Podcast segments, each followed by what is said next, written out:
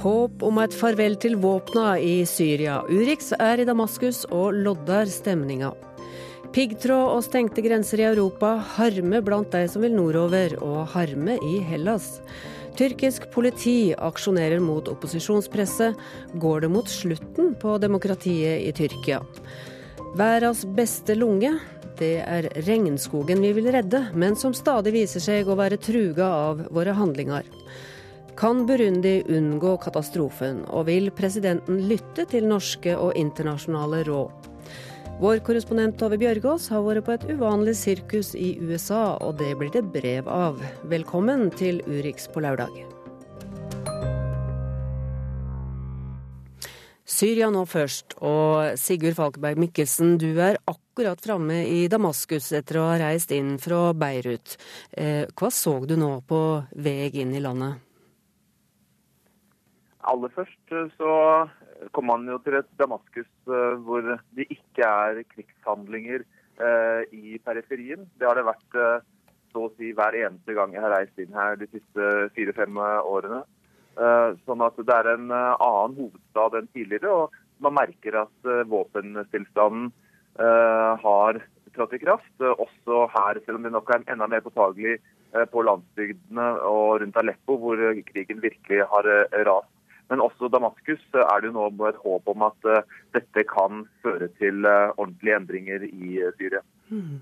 Rekner du med å kunne reise til andre deler av Syria nå i denne våpenstillstanden? Ja, Det kommer litt an på myndighetene her. fordi de har kontroll på utenlandske journalister, så vi er ikke frie til å bevege oss akkurat hvor vi vil. Og de signalene vi har fått, er tyder f.eks. på at denne gangen så vil de ikke ha oss nær frontlinjene og ikke i nærheten av eh, militære styrker. Uh, men jeg skal i et møte senere i dag, så får vi se hvor, hvilke åpninger som byr seg. Men jeg håper i hvert fall å komme meg opp til, uh, opp til Hans, som har vært en av de store frontlinjebyene i krigen, fram til den ble tatt over av Assad-regimet. Vi ser jo helst eh, bilder av eh, store ødelegginger, men eh, på den ruta du nå har kjørt, er det da òg store områder som er relativt intakte? Ja, her ser man ikke krigsødeleggelsene på denne, denne, veien. Man skal ikke langt ut av Damaskus før man ser det. Altså, det er en del by, byområder som er meget krigsherjet, også ganske tett innpå byen. Men akkurat sentrum av byen og veien som leder inn fra, fra, Beirut, har myndighetene hatt rimelig kontroll over eh, hele veien, og den har vært eh, spart for de verste krigshandlingene. Det kommer jo ulike signaler nå fra opposisjonsgruppene om framdrifta. Kan denne våpenstillstanden komme til å ende som varig våpenhvile, tror du? Det er mange usikkerhetsmomenter her. Eh, det er ikke noe tvil om at jeg tror mange syrere ønsker og håper at dette skal holde. Eh, for de er helt eh, desperate etter å få noe fred og få muligheten til å bygge opp livene sine igjen. Så uansett så det er det som skjer nå positivt for sivilbefolkningen. Men så er det jo mange uløste politiske spørsmål her.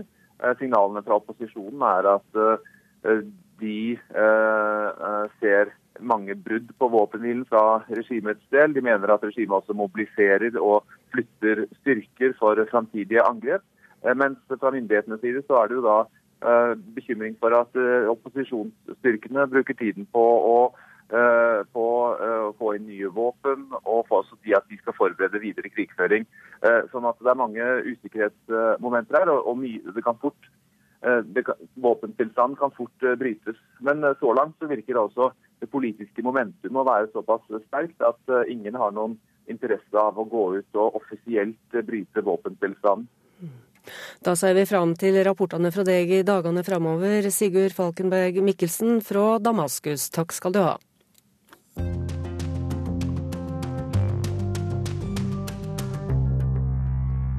Vi skal videre til Hellas, som stadig blir sett på nye prøver. Landet sliter fremdeles med økonomisk krise, samtidig som tallet på flyktninger nå stiger raskt. Hellas har blitt en flaskehals etter at grensene nordover bortimot, nå er, eh, bortimot er stengt for flyktninger. Men det greske folket hjelper til så godt de kan, og arbeidsløs ungdom melder seg også som frivillige. Sier 28-årige Alexandra Mohammad, halvt syrer og halvt gresk. Hun er arbeidsløs, men finner det meningsfylt å hjelpe flyktningene som kommer til havneområdet Pireus i Aten. Greece uh, have many problems, but it's okay. It's uh, help the people. Alexandra er hjelpearbeider for Røde Kors og er nyttig bl.a. pga. språkkunnskapene. Hun guider oss rundt i en stor tidligere passasjerterminal som nå er fylt med flyktninger. Hun introduserer oss for Abed fra Irak, som er reiseklar. Han vil nordover. Abed vil reise til Tyskland for å jobbe. Han tror fullt og fast på at han kan forsere grensen mot Makedonia, selv om den praktisk talt er stengt. Hellas er et land som fra før sliter med store økonomiske problemer og kutt i offentlige budsjetter. Nå får landet urimelig store belastninger pga. den største flyktningekatastrofen i Europa siden annen verdenskrig. Fortsatt kommer båtflyktningene fra Tyrkia i tusentalls hver dag, samtidig som den såkalte Balkanruten er så godt som stengt. Konsekvensen er at Hellas blir en oppsamlingsplass for flyktninger, og FN mener grensestengningen betyr at tallet på flyktninger i Aten kommer opp i 70 000 de kommende ukene. EU har tilbudt krisehjelp. I dag er det ikke noe organisert mottak for flyktningene som kommer til havneområdet Pireus. Dette vil de lokale myndighetene prøve å gjøre noe med, sier viseguvernør i Pireus, Georg Gavrilis. Εδώ οι συνθήκες είναι αρκετά δύσκολες γιατί ο χώρος στο λιμάνι δεν είναι χώρος φιλοξενίας ούτε hot spot. Dette er ikke et hotspot eller mottak for flyktninger. Målet er å få til organiserte leirer rundt om i Aten, sier Gavrilis, som mener det er helt nødvendig å komme opp med nye løsninger. Men de fleste flyktningene vil videre så fort som mulig med kurs for den makedonske grensen. I mellomtiden tror Røde Kors, som gjør en innsats i havneområdet Pireus, at tallet på flyktninger bare kommer til å øke. I think that uh, the numbers will increase. There are a lot of people in the islands, and they try to, to be here, to come here. Det er fortsatt mange på øyene, og de kommer hit, sier Marina Nakopolo, som leder Røde Kors-operasjonen på Pireus. Hit kommer lokalbefolkningen stadig innom med frukt og vann til flyktningene. Et hardt prøvet folk som gjør det de kan for å hjelpe. Og vår reporter i Aten er Tore Tollersrud. Vi skal holde oss til flyktningsituasjonen, og nå møter en familie på flukt fra Syria. Denne familien har foreløpig stranda bak piggtråd i Makedonia, forteller reporter Dag Bredvei.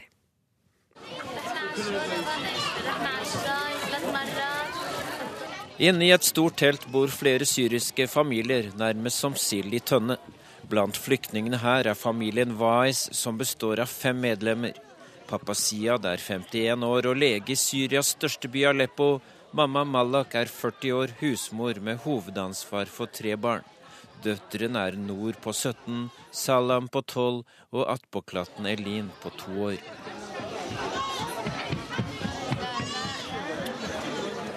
Familien bor på noen få kvadratmeter. Deres eget område består av to par køyesenger.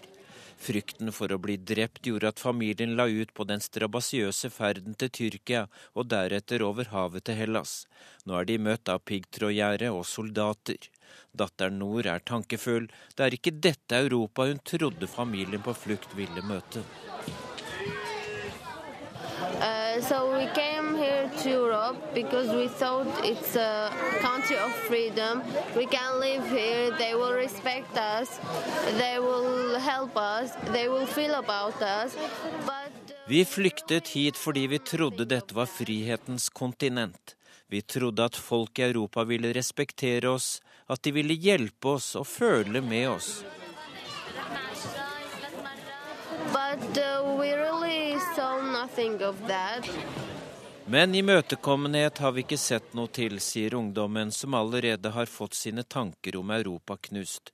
Hun står på terskelen til voksenlivet. På spørsmål fra nyhetsbyrået Associated Press om hennes drømmer for framtida, kommer det svar kontant. I want to live in peace. I want to live with my family.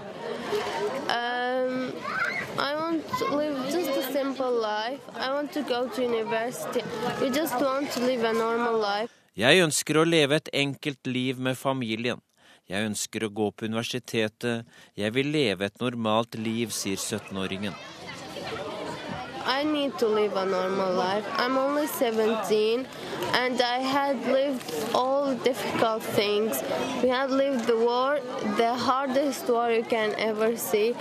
Jenta endrer ordbruken fra å ville til å trenge. Jeg trenger et normalt liv. Jeg har opplevd mer enn nok av krig og ufred, sier Nord. Små og store i teltet prater i munnen på hverandre. Alle har dramatiske historier å fortelle, fra livet inne i Syria og fra flukten til Europa. Mamma Malak forteller om hva som gjorde at de valgte å flykte. طلعنا من حلب لأن كتير كان في براميل متفجرة انقصفت البناية ال- To av nabohusene ble truffet av bomber, vårt hus ble delvis ødelagt. Tre elever ble drept da skolen som ligger i nabolaget ble beskutt. Malak Wais fortsetter å fortelle om selve flukten. كمشتنا ال- البوليس التركي مس- مسكنا Vi gjemte oss i skogen etter at smuglerne hjalp oss inn i Tyrkia. Vi holdt oss i dekning av frykt for politiet. Senere fikk vi hjelp til å krysse havstrekningen mellom Tyrkia og Hellas. بالليل شي كتير يعني ضلينا بالليل كتير آه، Vi dro klokka to på natta sammen med 70 andre i båten. Den kalde ferden over tok tre og en halv time. Familien Wais fra Syria ønsker seg til Tyskland. Men nå er det foreløpig bråstopp i et telt ved et piggtrådgjerde i Europas ytterkant.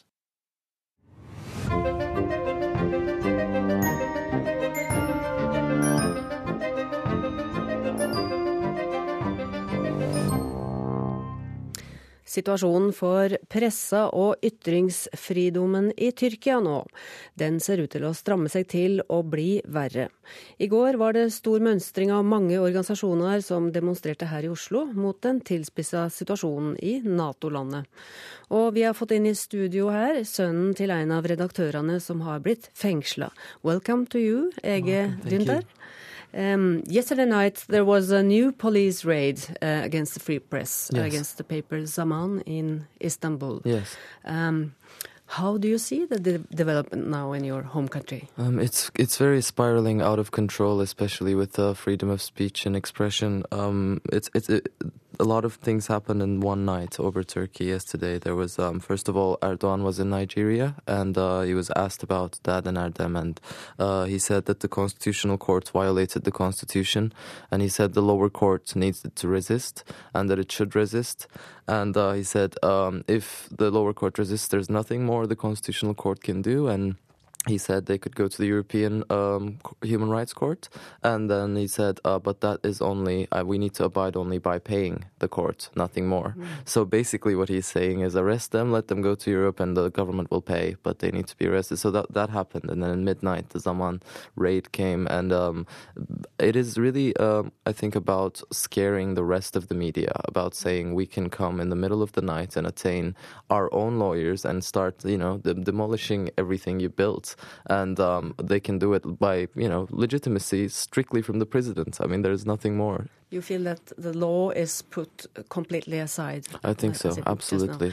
And how is your uh, the case against your own father? Um, what's the status? Well, just it's very, I think, uh, tragic, and um, because there's the indictment is about 450 pages, and in it uh, there's nothing more than 52 articles my father wrote, just just articles. There's no other proof, and uh, they're saying that in the articles he conspired to overthrow the state, and uh, he conspired to overthrow Erdogan personally. Personally, and um, I just think that it's tragic that they can't uh, legitimately accuse him of anything. But still, when people read it in the news, they say, "Oh, there's a 450-page indictment. He must have done something," mm. and it's really about that perception. I think fascism, in its core, is about having uh, false perception daily uh, recycled, and I think that is what they're trying to do to like delegitimize journalists by preparing these outrageous indictments. There has been some revelations about the Turkish uh, transport of um, well equipment, weapons to the mm. ISIL. Um, mm. Is this one part of this uh, case also against your father? I think it is, but um, I think uh, absolutely that the, the government dubbed it state secret, but it's state crime really because there is no uh, gov- uh, there's no parliamentary uh, decision to transfer arms to another another war basically, and um, it, it is not uh, very clear who the, the, the receiving party was, except that we know it's Islamist rebels. Um, but also, I think it's important to mention that although it might be ISIL Al Nusra, uh, Al Nusra is still an affiliation of Al Qaeda, so it's still a terrorist organization, an Islamist terrorist organization. So no matter if it's ISIL or Al Nusra, it's still illegal and illegitimate, I think, to send arms to a civil war secretly. And um, when this was revealed, rather than uh, trying to make up for you know what, what, was going on and stop the trucks, they basically arrested people who were making the story, uh, who were publishing the story. And I think that the the funny thing there is that uh, they're saying that it was a it was treason to publish uh, publish these because they were. Um, the security of the state was in, at hand. But uh, it's never the duty of a journalist to protect the dirty dealings of governments, but rather make them available for people to know and to be able to judge clearly when the election time comes. Mm-hmm. So uh, there was nothing more than journalism what my father did, and it would have been news anywhere in the world. Mm-hmm. So I think, yeah. Is there a real risk, do you think, that he, he gets a life sentence? I think so now, because if you asked me maybe three, four months ago, I would have maybe said no. I mean, it is uh, these cases go on all the time; they're outrageous. But uh, in the end, there's the constitutional court, and you know you can see Erdogan now completely ignoring the constitutional court. So they might rearrest him, but the thing is that I don't think they'll be able to keep him for that long, because I mean, there's a great um, rage against what he's doing, and especially in my father's case, the global community was really informed, and they were uh, basically he said that the global family of journalists really helped release him. Yeah. So I think if they rearrest him, that support is only going to double. And but but how does uh, Erdogan respond to the international pressure? Oh, he doesn't respond well. I think he gets more aggravated, um, and I think he is um, because his agenda is strong in Turkey. So there's many pro-government newspapers that recycle what he's saying, but that doesn't resonate to international organizations or international press. Being a NATO country uh, here in Norway, also it's somehow mysterious to us how a fellow NATO country would ignore yes. any signals from from Yes. I mean, as colleagues. Absolutely. I think both NATO and the EU really abetted Turkey's crimes, unfortunately. I mean, there was a summit in Brussels uh, about the refugee crisis, which I think was a shameful summit. But regardless of the. My father and Erdem wrote a letter to all the leaders going into the summit saying Turkey is, is behaving in, in criminal ways in, uh, by jailing journalists. And they basically made their case clear that they were 34 journalists, including them, who were in jail, and that it should be mentioned at least, but not a single mention uh, was was was there in, in the EU summit, and none of the leaders even said it. And they had one in one pocket the letter that father wrote, and in the other the three billion euros they'd give to Turkey, and the money overshadowed the letter. Mm. We have to um, uh, wind up uh, sure. this. Um, thank you for coming, but uh, shortly thank now, you, um, you are yourself a journalist and mm -hmm. writer. Yeah. Do you foresee a possibility of working for a free press in your own country? I think I do because I don't think this is something that could be continuing for long. Oh. With that hope, yes. thank you for coming. Thank you very much.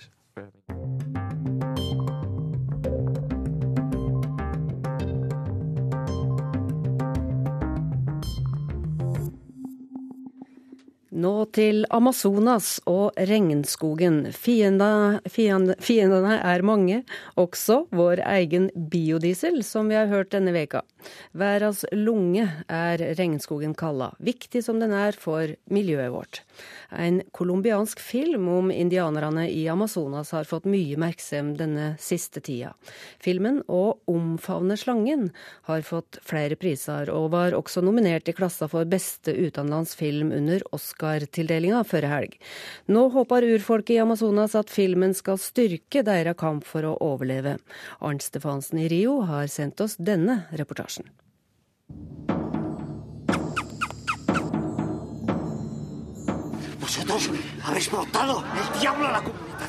Urfolkenes veldige rike i det nordlige Amazonas.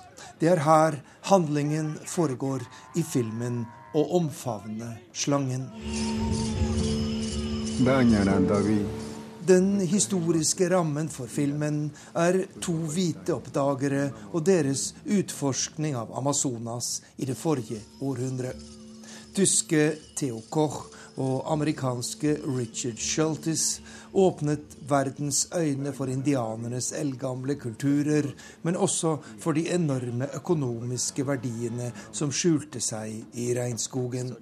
Å redde Amazonas er vår største oppgave, sier filmens colombianske regissør Ciro Guerra. Es la Capilla Sixtina de Colombia. Urskogen er Colombias sixtinske kapell, det mest verdifulle vi har. Og greier vi å bevare denne skogen i hundreårene fremover, vil den bli en juvel for menneskeheten. Men fiendene er mange. Tømmerhuggere, storbønder og mange andre.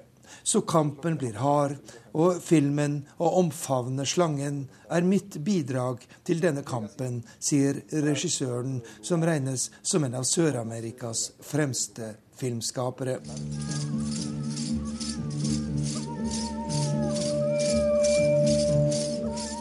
De to hvite oppdagerne kom til Amazonas med rundt 30 års mellomrom, og i filmen har de én ting til felles.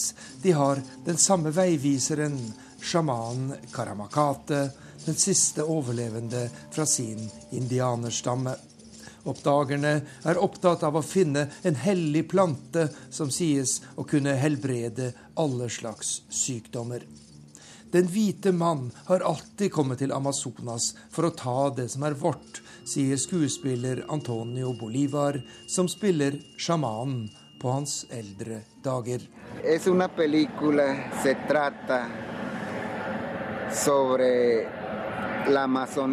Denne filmen handler om en urskog som er blitt kalt verdens lunge fordi den er helt nødvendig for å holde kloden frisk. Det som skjer med Amazonas, angår ikke bare oss som bor her, men alle mennesker på jorda. Og det har vist seg at vi, indianere, er best egnet til å ta vare på skogen fordi vi bruker den uten å ødelegge den, sier skuespilleren Antonio Bolivar, som er født og oppvokst i indianerstammen Ucaina Vitoto i den colombianske delen av Amazonas.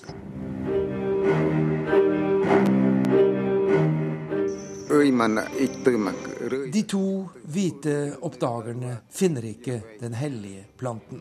I stedet finner de indianerstammer med forbløffende kunnskaper om naturen de lever i, og deres kjennskap til naturmedisinen redder den ene oppdageren da han blir alvorlig syk. Men selv om filmen er en hyllest til urfolkene og deres kulturer, så er Antonio Bolivar i rollen som sjaman Karamakate pessimistisk når det gjelder fremtiden for hans indianerstamme. De unge i stammen vil ikke lenger leve på tradisjonelt vis. De vil ikke male seg og utsmykke seg slik våre ritualer krever. De vil ikke lære seg de gamle sangene, og de vil ikke lære å fiske og jakte slik vi har gjort i hundrevis av år. Dagens unge vil kle seg i moderne klær, ta på seg øreklokker og høre på popmusikk, gå rundt med sine mobiltelefoner og prøve å finne seg en datajobb i byen, sier skuespilleren.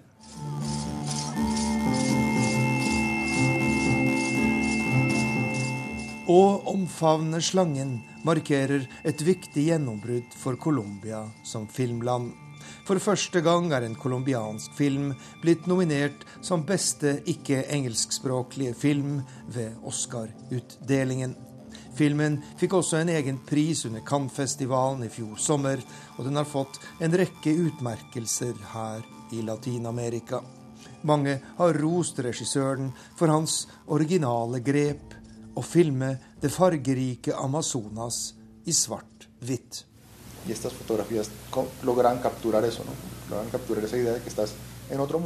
Jeg fikk ideen da jeg så de gamle svart-hvitt-fotografiene som de to oppdagerne hadde tatt, sier regissøren.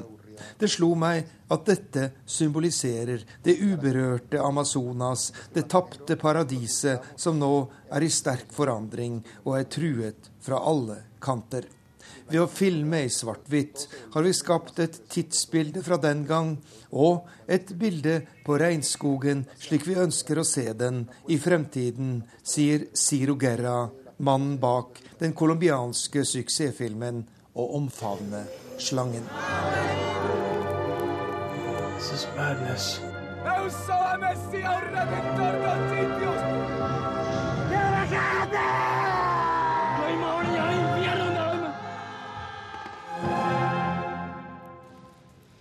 Ja, vi skal halde holde fram med regnskogen. Lars Løvold, velkommen i studio. Tusen takk. Du er eh, leder for Regnskogsfondet. Og eh, dette med regnskogen og kappløpet med tida. Sist du var her i studio, det var under TV-innsamlinga i fjor høst. Mm -hmm. Da snakka du om at det trengte seg en krigsinnsats. Går det nå rette veien? Hvor står kampen akkurat nå for å redde regnskogen? Det er slik at uh, det er veldig dramatisk. Uh, så uh, vi mangler den store mobiliseringen som vi trenger. Samtidig så må folk tross alt vite at det er fortsatt et grønt skogbelte av tropeskog rundt ekvator. Og det beltet er utrolig viktig for oss. Det vi har snakket lite om, og som folk vet lite, er at i tillegg til dette med karbon, så er dette en Skogbeltet er en klimaregulator for nedbør over hele kloden. Så veldig mye av matproduksjonen i verden er avhengig av at denne skogen står, og den minker. Mm. Den minker litt saktere enn den gjorde før. Eh, det er den gode nyheten, men det går ikke ned raskt nok i det hele tatt. Det må en mye sterkere innsats til globalt og i de enkelte landene. Ja, snakk om innsats. Eh, Regnskogsfondet fikk jo rekordmye penger da innsamlinga gikk. Eh, og da må jeg få lov til å stille spørsmålet hva går nå disse pengene til da? Det Regnskogfondet lovet det norske folk under TV-aksjonen i fjor høst, var at eh, vi skulle ta vare på et område med regnskog som er større enn Norge og Danmark til sammen. Eh, til sammen så bor det en million mennesker i de skogområdene. Dette er jo skogområder som er både i Amazonas, i Kongo og i Sørøst-Asia, på øya Ny-Guinea. Eh, sånn at det er mange prosjekter som vi hadde bestemt oss for å samle inn penger til gjennom TV-aksjonen. Men f.eks.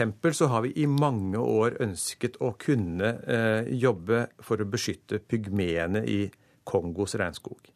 Dette er folkegruppe som vi hører veldig lite om. Det er en folkegruppe som er ekstremt diskriminert i sitt eget land men de kan skogen ut og inn. Mange tror at det ikke bor pygmeer lenger som lever tradisjonelt, men det gjør det. Og med midler fra det norske folk så kan vi altså nå og nå er vi akkurat i ferd med å starte opp eh, arbeid i de vestlige, dype skogene i Kongo, hvor det bor mange pygmeer, hvor skogen fortsatt er intakt. Den er veldig bra. Den er ikke hogget, den er ikke ødelagt. Men det er mange planer om å hogge og om å ødelegge. Så nå kan vi styrke arbeidet for å forsvare disse skogene, og vi kan synliggjøre de pygmefolkene som kan skogen, og som kan ta vare på den. Mm. Som bør holde fram og bo der? De ønsker å bo der, eh, og de bør ha rett til å kunne fortsette med det. Så det er nå bare ett av mange eksempler eh, som blir mulig for Regnskogfondet å gjøre, takket være det gavmildheten som det norske folk viste sist eh, oktober. Så har vi på den andre sida eh, fått inn eh, forferdelig stygge eh, bilder av omfattende oljesøl i Amazonas-delen av Peru. Mm -hmm. omfattende ødeleggelser ser det ut til. Hvor stor er ei slik katastrofe, slik du ser det? Du kjenner jo Amazonas godt. Nå har eh, myndighetene i Peru erklært eh, unntakstilstand og katastrofetilstand eh, for dette området, som er et svært elveleie, altså enormt som et norsk fylke.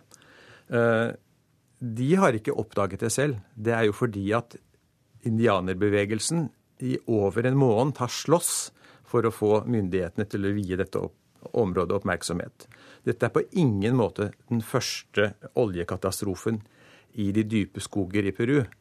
For man har drevet oljeutvinning i veldig lang tid. Og dette er faktisk et 40 år gammelt uh, oljerørledning som leder oljen fra skogen og ut til utskipningshavnene. Som jo selvfølgelig har vært dårlig vedlikeholdt, som er rustent. Og det skjer stadig vekk uh, lekkasjer som betyr at elvevannet forgiftes. Folk mangler rent drikkevann. Fisken blir skadelig å spise osv. Og, så videre, og det skjer ingen opprydding. Og det er det indianerbevegelsen nå krever. Det er igjen et eksempel på kampen om regnskogen. Den står mellom de som ønsker å tjene penger på den på kort sikt, og de som ønsker å bo der fortsatt og forsvare den på lang sikt. Og det gjør de ikke bare for sin egen del. Det hjelper oss alle hvis den skogen blir stående. Vi har også hørt nå eh, om eh, en ny type satellittovervåking som, som da kan f.eks. registrere ulovlig hogst. Men én ting er registrering. Kan en da faktisk lykkes med å stoppe denne hogsten? Heldigvis så blir overvåkingssystemene eh, stadig bedre. Så mens man for noen år siden bare kunne se når man hadde liksom flatehugget et svært område, så kan man nå faktisk oppdage veldig små endringer i skogdekket. Da kommer det altså an på politisk vilje. Og det er det vi har sett i Brasil. Brasil er jo sånn sett et land som har klart å redusere avskogingen fra verdens største til å bli en fjerdedel av hva den eh, pleide å være. Og det som har skjedd der, er at så lenge det er politisk vilje, så kan altså myndighetene, politiet og miljømyndighetene gripe inn kjapt, putte folk i fengsel, gi de store bøter og gi de straff. Og da hjelper det.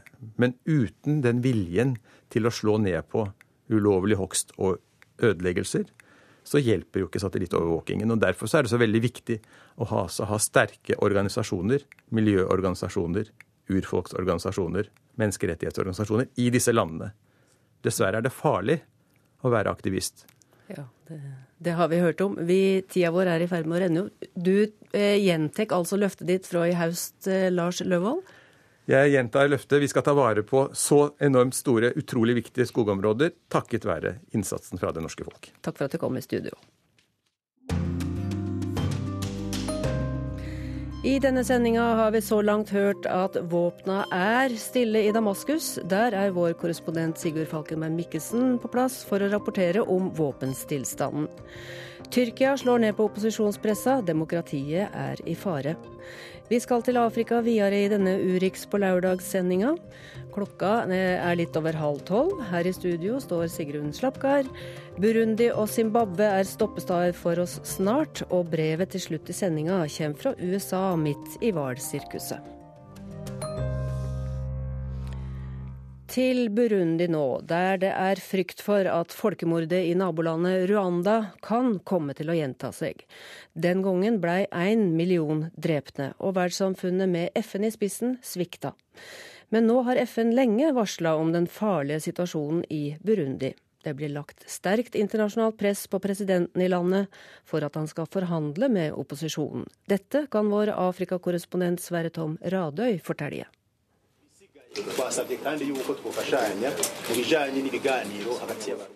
Vi har spurt FN om assistanse til å forsone burundiere, sa presidenten på pressekonferansen.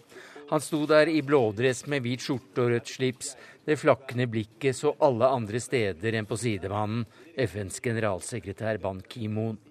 Håndtrykket de ga hverandre, virket lite hjertelig. For mens FN-sjefen sa han hadde fått forsikringer om at samtalen om forsoning skulle bli inkluderende, slik at folkemordet FN frykter kan komme, kan avverges, ja, så kom presidenten med en liten presisering. Personer han mener undergraver Burundis regime, har selvsagt ikke noe i samtaler å gjøre. Da var kommentatorene raskt ute med å spørre hvem som da skulle få være med, om ikke de som mener presidenten må gå. Igjen sitter i verste fall en håndfull av de som kan kalles presidentens lydige opposisjon, og de gjør allikevel som presidenten vil. 250 000 mennesker har ikke gjort det. De har flyktet. Over 400 er drept siden april i fjor, da presidenten sa han ønsket å være president i en tredje periode over landets 10 millioner innbyggere. 85% av dem er hutuer, snaue 14 tutsier, 1 er twa-pygmeer, urinnvånerne. Konflikten i Burundi, et av verdens aller fattigste land, har lenge vært rent politisk på tvers av disse folkegruppene. Kuppgeneralen er hutu, presidenten er hutu. Men nå frykter folk i nabolandet Rwanda at det etniske kortet igjen skal trumfe fornuften. Og der vet de hva de snakker om. Folkemordet i Rwanda krevde én million liv, og det er ikke mer enn drøyt 20 år siden. Den gang var det ingen som hjalp Rwanda. FN stakk. Styrken på retrett ble ledet av den senere fredsprisvinneren Kofi Annan. Men nå vil mange hjelpe Burundi, dette lille folkerike høyslettlandet på størrelse med Hedmark fylke. Den afrikanske union ville sende fredsstyrker. Ja, kommer de hit, vil de bli behandlet som en invasjonsstyrke, sa presidenten, så det ble ikke noe av. Flere forhandlingsrunder ledet av Ugandas president har strandet før de kom i gang. I forrige uke var altså FNs generalsekretær i landet og en presidentdelegasjon med fem afrikanske statsledere ledet av Sør-Afrikas Jacob Zuma. De prøvde å snakke Burundis president til fornuft. Denne uka har erkebiskopen av Canterbury vært i Burundi, og generalsekretæren i Kirkens verdensråd, som organiserer 550 millioner kristne. Generalsekretæren heter Olav Fykse Tveit. Nå kjenner den fotballgale presidenten godt til Norge fra før, og skal ha blitt svært fornøyd da han fikk en Solskjær-trøye av regjeringen Stoltenberg for ti år siden. Også sjelslivet til presidenten skal ha blitt påvirket av en nordmann. Som tidligere geriljaleder ble han omvendt og nyfrelst da han godt bevæpnet lå skjult i et høydedrag utenfor en sportsarena under borgerkrigen, den som kostet 300 000 mennesker livet. Der nede på sletta ropte en karismatisk predikant fra Sørlandet ut Herrens glade budskap. Geriljalederen ble nyfrelst og leder i dag Halleluja fotballklubb. Et av de mer kuriøse forsøkene på å få ham fra å stille som presidentkandidat nok en gang i fjor, var å tilby ham en godt lønnet stilling i Det internasjonale fotballforbundet. Presidenten takket nei, ifølge Dagens Nyheter. Nå har han takket ja til å møte Olav Fykse Tveit for et par dager siden. Kanskje har kirkelederen hvisket presidenten et par paulior i øret. Han kunne ha begynt med det femte bud. Og lederen for Verdskirkerådet, Olav Fykse Tveit, har nettopp møtt presidenten i Burundi. Vi fikk tak i han på vei ut av landet igjen, på ei telefonline om bord i flyet, og spurte han om inntrykket av presidenten og hans forhold til det femte bå. Eh, jeg har fått et inntrykk av, av han og av eh, regjeringa her i, eh, i, Burundi. Det at de, de, skjønner at det er et problem, men de har ikke lyst til å snakke så veldig høyt om det. Men de skjønner at det både er et politisk problem, men ikke minst et stort uh, fattigdomsproblem og et systemproblem. Som var der også før denne krisa rundt valget i fjor. Mm. Men de er nødt til nå å etablere en reell dialog med, med opposisjonen og med alle deler av samfunnet. og det de er interessert i at vi skal være med å bidra til. Så Koronsisa var imøtekommende til eh, dialogforsøk? Absolutt. Og jeg, og jeg hadde inntrykk av at det var at han må få i gang en reell dialog for å stoppe denne volden. Eh, hvor akutt eh, opplever du at situasjonen er akkurat nå? Den, den, er ikke, den, er ikke, så akutt som du kan få inntrykk av gjennom media. Men det er en alvorlig situasjon, fordi at det er en vold som pågår mange plasser i landet hele tida. Mm. Uh, og uh, deler av opposisjonen har jo flykta fra landet. Uh, mm. så det, det, er ikke sånn at det, liksom, det er blitt verre enn de siste ukene, men det har jo vært en mye, mye vanskeligere situasjon etter den uroen rundt, rundt valget i fjor. og det som, det som, er et land som Burundi, er at det allerede er jo mye som, som er svakt. Altså, det er jo et land med svak infrastruktur uh, og mange ting som ikke fungerer. Nå hører vi f.eks. at nå, har svikter økonomien, og da blir det mindre penger til skole, mindre penger til helse. Og, så og det skaper også mer uro og mer vold. Mm. Den afrikanske unionen har jo sendt observatører og 100 soldater. Eh, kan det hjelpe til, eller kan det òg komme til å styrke uroa? Jeg tror at det, sånn som det er for oss, fall, så er det eh, observatører. Eh, og det blir tatt imot med, med aksept. Den ideen om å sende en sånn fredsbevarende styrke var ikke godt mottatt, og det har man da også gått bort ifra. Men jeg tror det er viktig også at man, eh, man finner løsninger i Burundi. Eh, det er min klare oppfatning også. Og det sa Olav Fikse Tveit fra Burundi. Vi skal holde oss til Afrika. Denne veka er det ett år siden aktivisten Itai Damara forsvant fra Harare. Venner og familie, menneskerettsorganisasjoner er redde for at han er blitt tatt av dage. Regjeringa avviser at de kjenner til forsvinninga. Tom Christiansen kjenner historia om Itai. Det står en taus mann i parken med en plakat. Det er Itai Damara, 35 år gammel. På plakaten står det 'Mugabe must go'. Det kan folk her på Africa Unity Square leve med. Det er mange som er enige. Folk slapper av under de bredkronede trærne. De ligger i skyggen. Zimbabwere er mørke nok som det er. Her i denne parken, rett ved parlamentet og presidentens kontor, ender alle demonstrasjoner.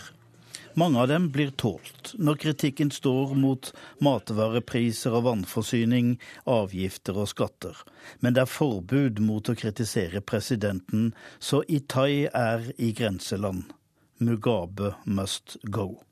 En dag gikk Itai ned til presidentens kontor og leverte et brev. Det var en protest.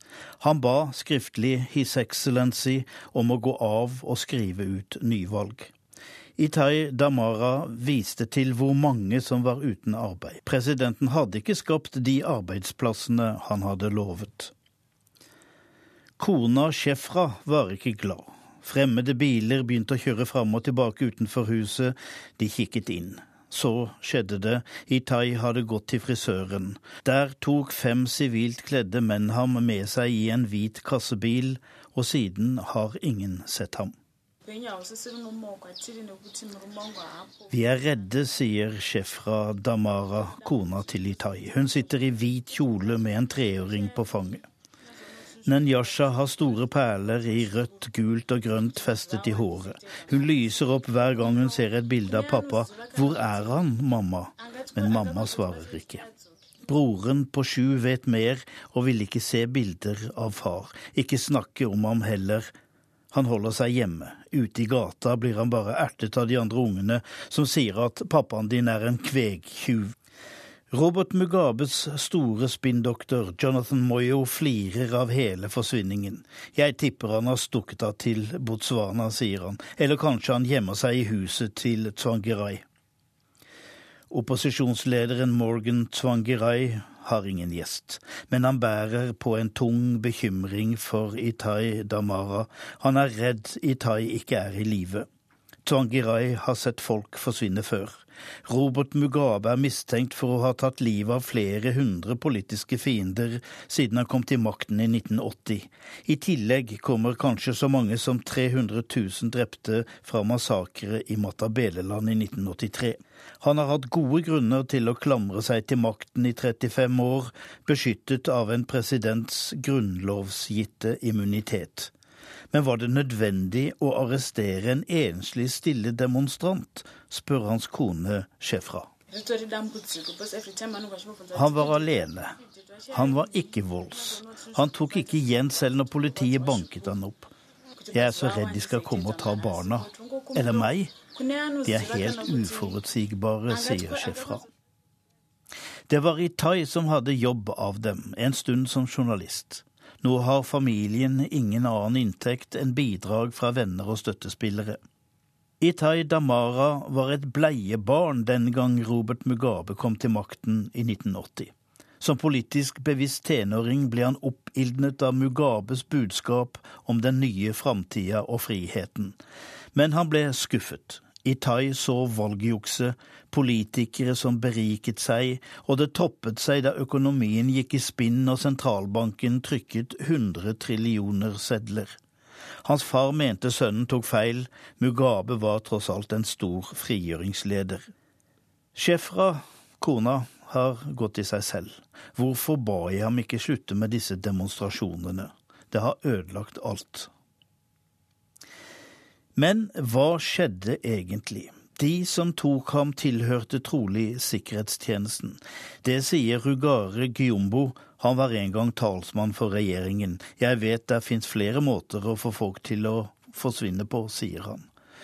Folk som har meldt seg ut av regjeringspartiet, sier det er ikke rart at de tok Itai. Han var en liten figur, men sto for noe mye større og mye farligere.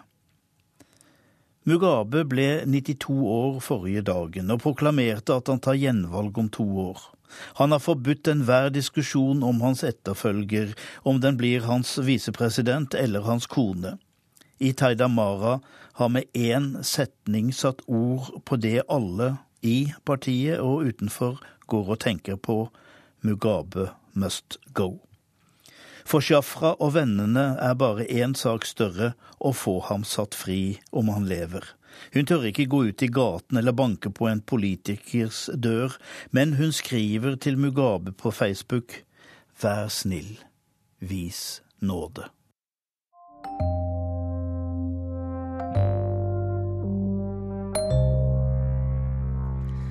Til USA nå. Der har det gått hardt for seg i valgkampen denne veka, og Tove Bjørgaas har gjort et innkjøp. Den koster 25 dollar. Jeg kjøper en og prøver den i speilet. Den er knall rød med en tvunnet snor som pynt rett over bremmen. De hvite bokstavene er tjukt og tydelig brodert fast, så de aldri kommer til å falle av. Make America Great Again. Dette er capsen alle snakker om i USA. Det er solgt millioner av den de siste åtte månedene. Make America Great Again-hatten vil nok bli stående som 2016-valgkampens store politiske suvenir. Akkurat slik den blå T-skjorta med et maleri av Barack Obama og teksten Hope, signert gatekunstneren Shepherd Ferry, ble det i 2008. Denne uka kjøpte jeg altså en Trump-caps i Texas. Jeg skulle bruke den som en rekvisitt i en reportasje i Dagsrevyen, og tenkte at den kanskje kan brukes på halloween i framtida. Men hatten har en helt annen betydning for mange andre eiere. For Jonathan jeg møtte i Florida i januar, og for Donna i Fort Worth, Texas f.eks. De har trykket mottoet til mannen de ønsker som sin nye leder, til sitt bryst. Jeg forstår ikke helt hva det betyr. Hva innebærer det å gjøre USA storslagent igjen? USA er blitt et land som sakker akterut økonomisk, og vi blir latterliggjort ute i verden, forklarer Donna Clem. Jonathan Maney har i månedsvis reist rundt i sørstatene og solgt Make America Great Again-capser. Folk er frustrerte over at landet de elsker, forsvinner mellom fingrene deres. Jeg låser døra mi om natta, nå trenger vi en president som låser landet, forklarer han. Det voldsomme sinnet i millioner av amerikanere som Donald Trump har brakt til overflaten, er uttrykk for minst to ting.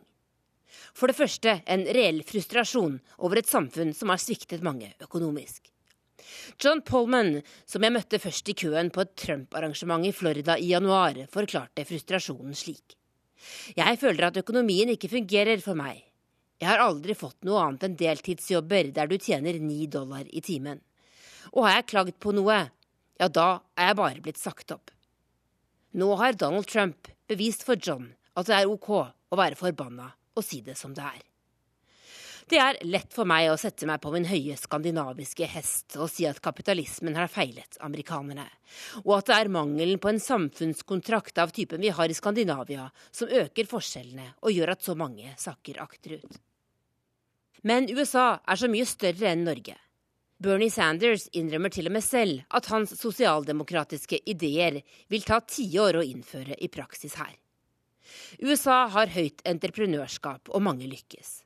Arbeidsledigheten er nå på det laveste den har vært siden Obama overtok. Men de godt betalte industriarbeiderjobbene kommer ikke tilbake mange steder. De har forsvunnet til Mexico og til Kina, slik Donald Trump gang på gang forklarer. Dette er ingen ny utvikling. Den har pågått i 40 år.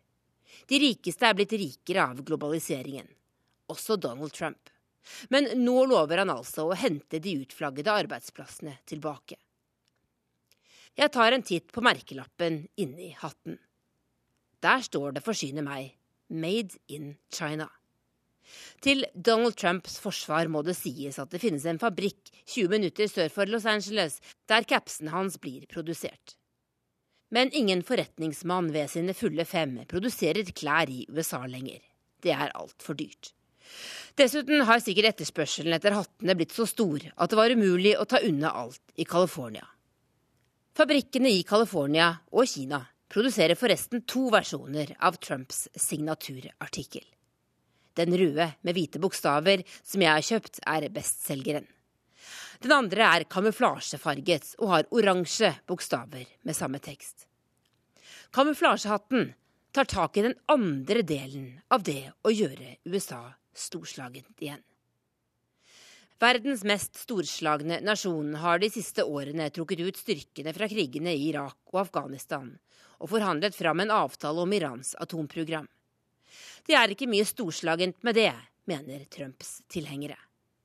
Putin har vist muskler overfor Obama. Men Donna og Jonathan synes slett ikke den hengslete presidenten deres har vist noen tilbake.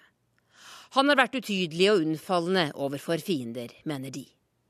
Det er nok fordi han egentlig er muslim, antyder en av dem. Og det er ikke bare lavt utdannede arbeiderklassevelgere som er redde for styrkeforholdet mellom USA og resten av verden. Det er også forretningsmenn og evangelisk kristne jeg har snakket med den siste uka, som støtter Trump.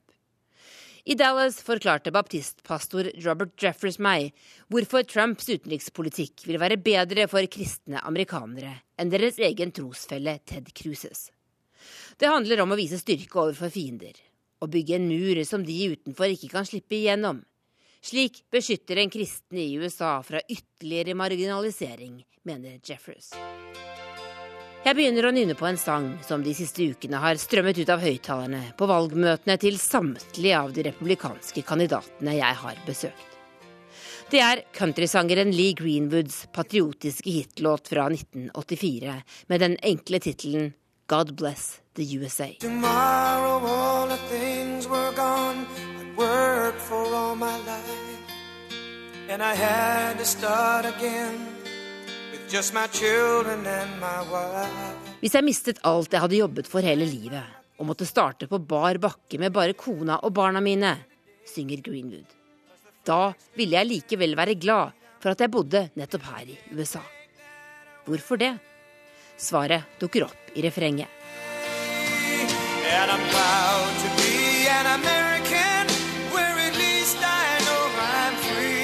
Jeg er stolt av å være amerikaner for her er jeg i det minste fri, synger Greenwood og takker soldatene som ga sitt liv for at han skulle få den friheten. Hva slags frihet er det han synger om? Er det religionsfrihet og ytringsfrihet? Hva med økonomisk frihet? Mange av dem som knytter neven og løfter den i været på Trumps valgmøter, er sinte fordi de ikke får endene til å møtes. Kanskje føler de at Barack Obama har tatt fra dem den patriotiske friheten ved å ta i bruk diplomati i stedet for å gå i krig, samtidig som de ikke har fått det bedre økonomisk. Da føler de seg fremmedgjort og rammet på alle fronter. Den økonomiske friheten dette landet er tuftet på, lover at du kan nå så langt du vil uten at staten stopper deg med for store skatter og avgifter. Men stadig flere når aldri så langt at de kan føle økonomisk frihet. Men ifølge Lee Greenwood er det heldigvis én ting ingen kan ta fra dem uansett. Flagget står fortsatt for frihet, og det kan de ikke ta fra oss, synger han. Akkurat slike følelser er det republikanske politikere har spilt på i folket sitt i mange tiår. De har argumentert for kapitalisme og lave skatter som en amerikansk verdi som henger sammen med patriotismen. De har solgt en politisk visjon som stort sett bare har hjulpet dem som allerede har penger. Det er heller ikke disse rikeste som har sendt barna sine i krigen i Irak og Afghanistan. Det har heller ikke Donald Trump gjort. Men med sine identifikasjonsmessige mangler klarer han i det minste å sette ord på det mange føler. Det betyr ingenting for dem at han er milliardær. Han er jo villig til å bruke sine egne penger for å hjelpe dem. Og han tilbyr enkle løsninger som han mener skal bringe tilbake det storslagne ved USA. Det er langt mer enn en rød eller kamuflasjefarget caps å få kjøpt ved salgsboden der jeg kjøper den røde hatten. Der ligger også T-skjorta med bilde av Trump utkledd som superhelten Captain America. På tirsdag stemte tre ganger flere enn vanlig i de republikanske nominasjonsvalgene mange steder. Flertallet stemte på sin Captain America. Tilbake står et skrekkslagent republikansk parti som i årevis har spilt Lee Greenwoods sang og tenkt at grasrota stirrer opp for dem. Nå må de ta inn over seg at flagg og fedreland har fått en ny fanebærer.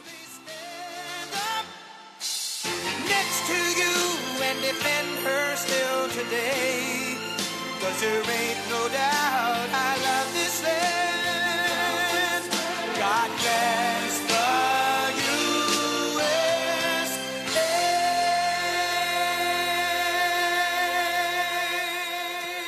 Dette var Urix på lørdag. Hør oss gjerne på nett, og få med deg Søndagsrevyen, der Sigurd Falkenberg Mikkelsen vil rapportere fra den reisa han er på akkurat nå i Syria.